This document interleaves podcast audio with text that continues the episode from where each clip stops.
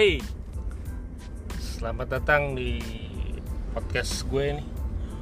Curcol Awe, Curcol Awe, Curcol Cur Cur Curhat Colongan bersama Albert W. Enggak deh, Albert Wirawan. Gue Wirawan, selamat datang di podcast gue nih yang keempat. Keempat hari ini hari Rabu.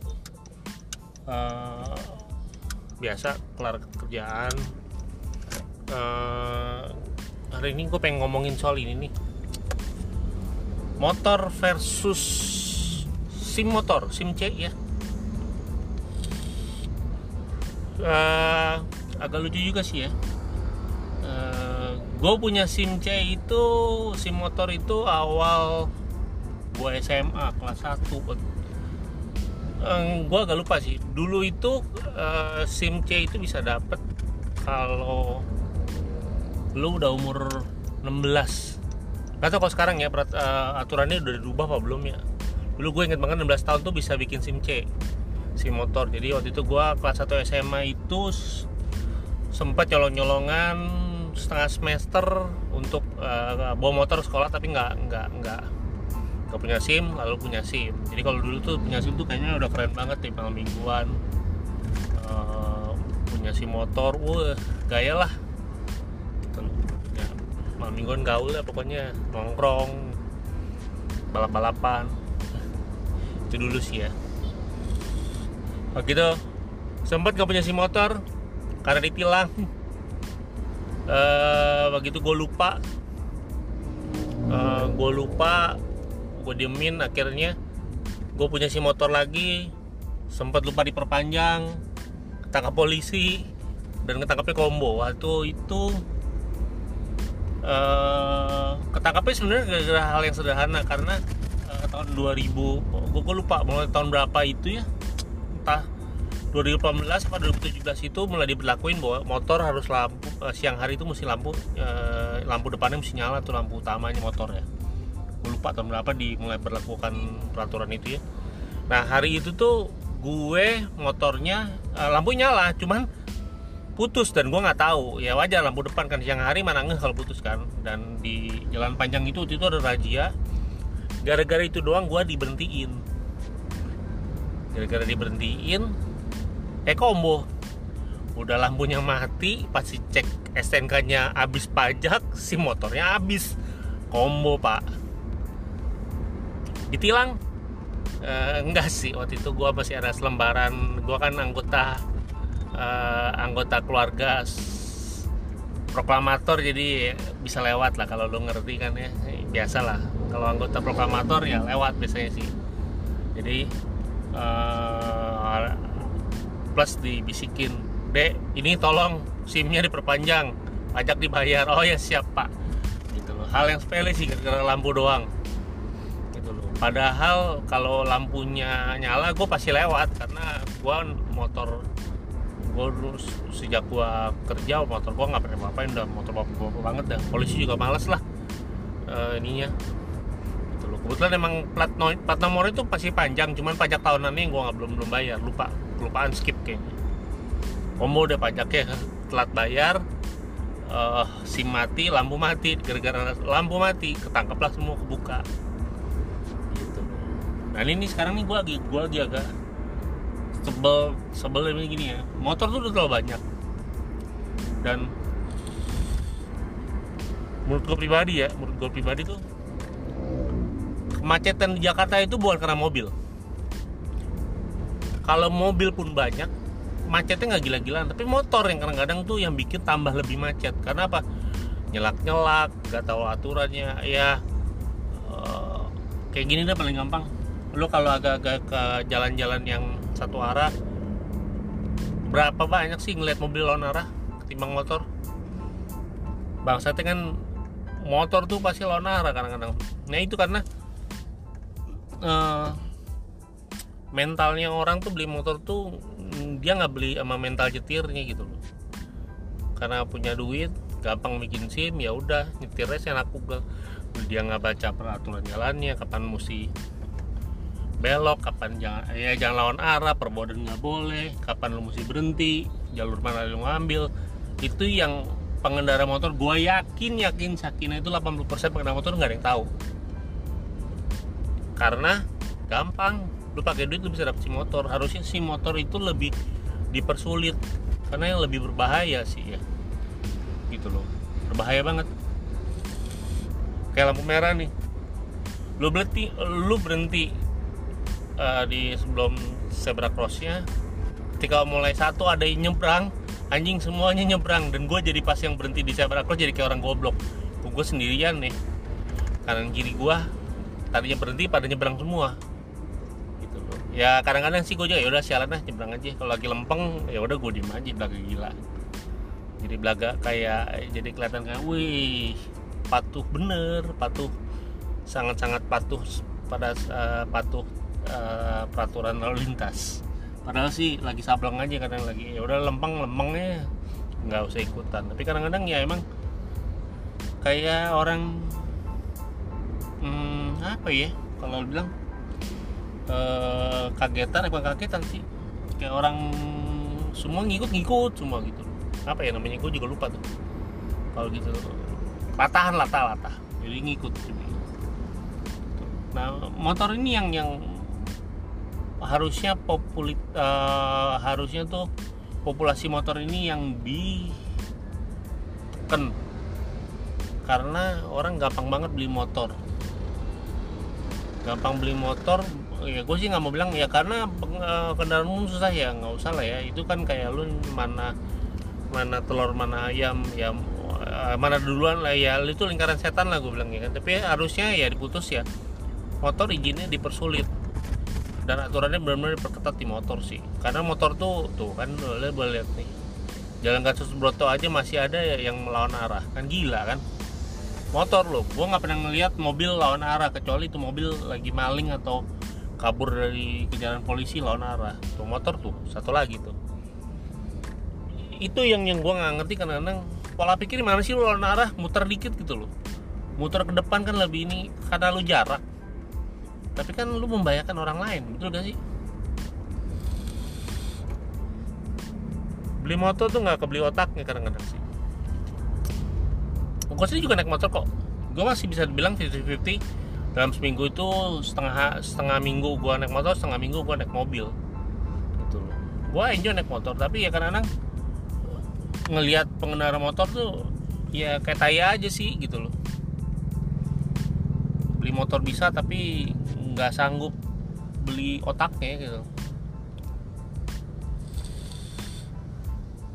Nyelip-nyelip bagi gue sih hal yang biasa sih tapi ya kalau lu melanggar peraturan lalu lintas tuh kayaknya asshole banget sih ya. Lawan arah apalagi lawan arah. Aduh. duduk bertiga gue masih oke okay lah gitu loh. Kalau lu boncengan bertiga ya udah berarti lu karena lu mungkin sayang temen lu kali ya.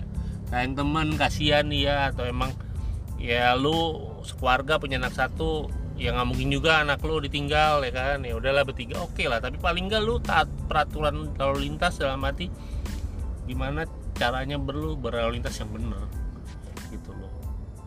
Berhenti di lampu merah di pertigaan lu stop dulu jangan nyelonong doang. Kalau lu jadi gini gini nih gue baru inget banyak yang nggak tahu ada peraturan dahulukan yang lurus. Jadi kalau lu keluar gang lu mesti berhenti. Mau nggak ada tanda stop enggak itu harus lu berhenti. Karena apa? Lu mesti dahuluin lurus. Jadi kalau lu masuk jalan utama ya lu berhenti dulu lihat kanan kiri. Kalau mobil jalan dua lu mesti kasih. Karena emang itu aturannya udah lu dahulukan yang lurus gitu. Jadi kalau lu eh, naik motor itu yang kanan langsung beng keluar dari gang langsung nyolong keluar ya senggol mati dia langsung. Ya kan kesalahan mobil lah mobil kan lagi lurus lu keluar dari gang harusnya berhenti. Gitu loh. Jadi banyak yang punya motor tuh nggak punya nggak nggak ngerti peraturan gitu loh. Lu mau belok kanan ngambil dari kiri. Sen kanan ngambil jalur kiri lu sen ke kanan lu potong. Begitu yang paling nyebelin kalau naik motor ada yang pengendara motor nih tuh gak lu mau belok kiri nih. Ya kan? Depan lu ada kendaraan. Mau motor mau mobil yang lagi di jalur kiri. Mungkin lebih pelan daripada lu. Lu mau belok kiri harusnya lu di belakang itu bukan nyelip dia. Kecuali kecuali belokannya itu masih 50 meter lagi lu selip ambil kiri belok kiri. Ini kagak. Belokannya 10 meter di depan lu nyelip tuh motor dengan kecepatan 40-50 km per jam lu belok kiri. Artinya kan lu motong dia. Lu berbahaya kan dari kanan ke kiri jalur lu, lu harusnya kan kalau tau begitu ya lu harusnya ngerem dikit nunggu di mau uh, nunggu orang yang ada di sebelah kiri lu nih yang kebetulan lu mau yang yang dia berada di posisinya uh, di, di di sisi lu jadi jadinya. Lu mesti ngantri di belakang dia. Kalau dia lurus lu tinggal belok kiri. Itu yang bener gitu loh. Bukan belok tapi nyelip. Lu mesti ngantri di belakang orang. Mau orang itu mau lurus atau belok kiri pun ya lu mesti ngantri gitu loh. Nggak ada tuh istilahnya lu belok nyelip mau di mana mana juga lu berbahaya. Itulah karena motor suka semau gua aja sih gitu loh. Kayaknya gue merasa tahun-tahun 90-an pengendara motor lebih lebih lebih lebih terdidik kali ya. Itu juga ngerti ya. Padahal balapan di jalanan pun malah lebih parah dulu ya. Dulu tuh balapan di jalanan tuh malam minggu tuh gila-gilaan. Gue termasuk yang dulu suka balapan sih tapi kayaknya lebih lebih lebih terdidik ya lebih nggak gampang balik arah. Balik arah pun juga zaman tahun 90 tuh karena ada razia di depan. Dikandangin motor kita pembalap-pembalap liar ini. Tapi kalau nggak ada apa-apa ya kayaknya nggak pernah ada ini ya balik apa balik arah. Paling juga nggak pakai helm. Ya udahlah ya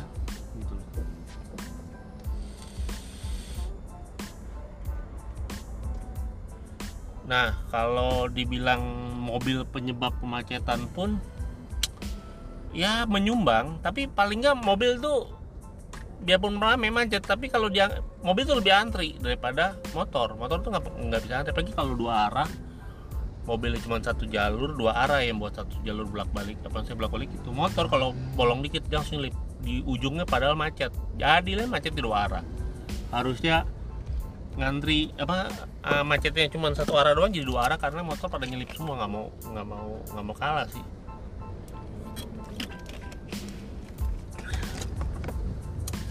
Karena minggu juga yang ngomongin apa ya? Pengen curcol tapi ya mudah-mudahan ada denger nih tapi gue happy juga sih ngeliat tadi gue ngecek wih ada yang nontonin 7-8 orang yang dengerin eh sorry pak nonton dengerin podcast gue gue pikir nggak ada yang dengerin. Ya udahlah bikin lah masalah dengerin ada yang denger ya udahlah mending Spotify kan keluar. Uh, sekarang gua umur 45 anak satu istri tentu satu. Uh, ya sekarang sih udah tinggal ya kerja nikmatin hidup bayarin anak sekolah ya nggak ngumpulin warisan juga maksudnya nggak nggak ngumpulin duit untuk jadi warisan ya nikmatin aja sih ya ya karena pandemi ini sih yang agak-agak menyedihkan yang nggak bisa ke mana-mana ya. Cuman di, di Jakarta Jakarta ke Indo. Ya paling ya gue sih belum pernah keluar kota sih. Eh maksudnya nggak pernah keluar pulau sih. Hampir dua tahun lah 2019 terakhir gue ke Jepang. Habis itu udah paling ya keluar kota itu paling Bandung Jogja itu cuma paling dua kali kali ya. Bandung sekali tahun kemarin Jogja juga sekali habis itu ya Jakarta Jakarta paling jauh juga ke Bogor. Kangen sih kangen kangen kangen kalau makanya gue suka bilang sama istri gue pokoknya kalau border dibuka Singapura gue akan berangkat. Karena apa? Ya kangen aja sih. Gitu loh. Yang kangen jalan luar negeri kenapa nggak ke Indonesia? Maksudnya nggak di Indonesia Indonesia aja di Bali Bali udah sering. Ya gitu-gitu aja sih. Pengen sesuatu yang beda aja sih. Bukan gue bukan cari sesuatu yang indah. Indonesia jauh lebih indah. Tapi yang beda ya hanya di luar negeri di sini. Ya gitu-gitu aja lah masih sama. Ngomongin bahasa Indonesia juga udaranya panas juga hujan-hujan juga. Di luar kan ada yang lebih dingin. Gitu loh. Uh, ini ngomongin macet sampai gua bingung motor. Oh ya gue oke okay, balik lagi ke motor lah ya. Gue dulu punya motor hmm, pertama kali belajar itu pakai cepek itu punya kakak nggak lama dibeliin motor Alfa 2R ya sebenarnya juga punya kakak gue juga sih. Nggak lama diturunin ke gua Alfa 2R dijual diganti dengan uh, F Yamaha F1ZR yang gue pakai sampai lulus kuliah kalau nggak salah ya. Eh sorry. Gak Alfa itu gue pakai sampai lulus kuliah. Lulus kuliah itu tingkat satu tingkat dua. Gue lupa gue dibeli motor F1 ZR karena baru keluar 95 95an nih kalau nggak salah 97 ya. Nah, habis itu gue lulus masih F1 ZR itu. Lalu gue dapat motor dikasih Suzuki Crystal dan itu gue bangun sendiri tuh. Itu itu motor udah busuk banget ya. Jadi motor dari om gue kondisinya udah busuk benar jadi itu motor udah di gudang udah di gudang nggak hidup penuh lumpur kebanjiran. Gue hidupin tuh nyalain semua. Gue tuh emang hobi ngulik deh dulu. Motor pun gue ngulik sendiri ngecat sendiri. Akhirnya jadi rapi gue pindah ke Bandung motor itu gue bawa sih gue sempat punya eh, jadi motor itu gue rombak juga di Bandung jadi trail. Di Bandung gue punya GLCP juga gue rombak jadi trail. Pagi itu gue punya BSA 2 setengah eh sorry. Ya biasa dua setengah C15 serinya itu monoblock tahunnya 76 78 ya gue lupa. Itu gue punya juga nggak punya surat-surat. Lumayan lama gue pakai. Di itu zaman zaman di Bandung sih. E, gitu gue punya Honda Honda C. Kalau orang Bandung bilang si Kinangka tapi gue punya agak baru tahun 76 jadi C90Z kalau nggak salah ya C90Z yang gua rombak jadi C90S jadi kalau orang orang Bandung bilang tuh bilang siki nangka karena tangkinya kayak biji nang kayak biji nangka bulat siki nangka biji nangka jadi itu gue punya itu cat merah. Nah dari situ tuh motor itu kalau nggak salah singet gua gua uh, gua tuker gabruk sama uh, motor Honda CB 200 yang lumayan agak agak gue mesti bangun mesinnya kan mesinnya berantakan banget. Tapi bodinya mulus. Gitu loh. Dan surat-surat sih ada CB 200 waktu itu gua gua chrome full yang ada tinggal jok kulit dop kanan kiri warna merah sama tangki warna merah. Sisanya full chrome. Kalau lu kalau nemuin CB 200 full chrome itu berarti bekas punya gua dulu. Perlu gue happy banget. Itu juga sama. CB200 itu gue bongkar sendiri gue chrome sendiri. Semua kerja sendiri sendiri. Jadi emang emang emang gue hobi dari dulu sih. Sekarang pun gue punya gue hobi aksi drift pun juga gue bongkar sendiri nggak tahu nih kalau gue gue lagi pengen nyari mobil syarat kotak sih ya. Nggak tahu kalau bongkar sendiri apa kayaknya enggak kali ya. Agak-agak repot. Nah. Uh, motor itu termasuk yang gue happy lah. Maksudnya gue seneng banget. Ya gitu itu motor itu gue jual tuh. Gue lupa gue jual sama siapa ya. Waktu itu gue masih dagang. Oh gue jual sama pelanggan gue uh, gue jual gue lupa deh bayar kalau nggak salah pakai pakai barang deh barang barang dagangan. Seharga berapa gitu modalnya. Yang uh, eh sorry yang uh, BSA dua setengah itu gue jual saat lahiran anak gue nggak punya duit. Waktu itu laku gue lupa laku laku 10 atau 12 juta gitu uh, itu momen-momen tahun 2004 2005 di kalau nggak salah. Itu momen-momen paling terendah kehidupan gue ah kalau ngomongin gituan. Uh, motor itu lumayan lumayan lumayan cukup uh, ya cukup sering lah. Motor itu tuh sampai sekarang pun gue masih motoran sih. Jadi kehidupan motor itu ya nggak jauh dari kehidupan gue sebenarnya. Tapi ya sekarang ini gue agak-agak gundah aja ngeliat motoris-motoris Jakarta nih benar-benar geblek lah. Super duper geblek.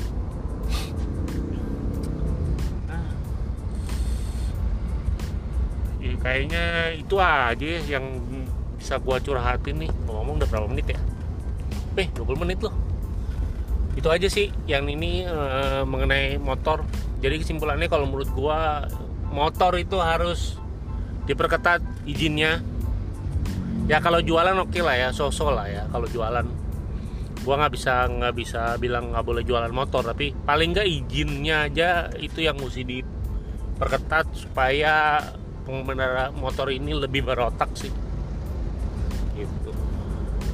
Itu aja curcol gue hari ini episode eh, yang episode keempat. Semoga berkenan. Nanti nih siapa minggu, uh, minggu depan gue akan update lagi. Dengan materi-materi dengan judul terbaru. Thank you. Bye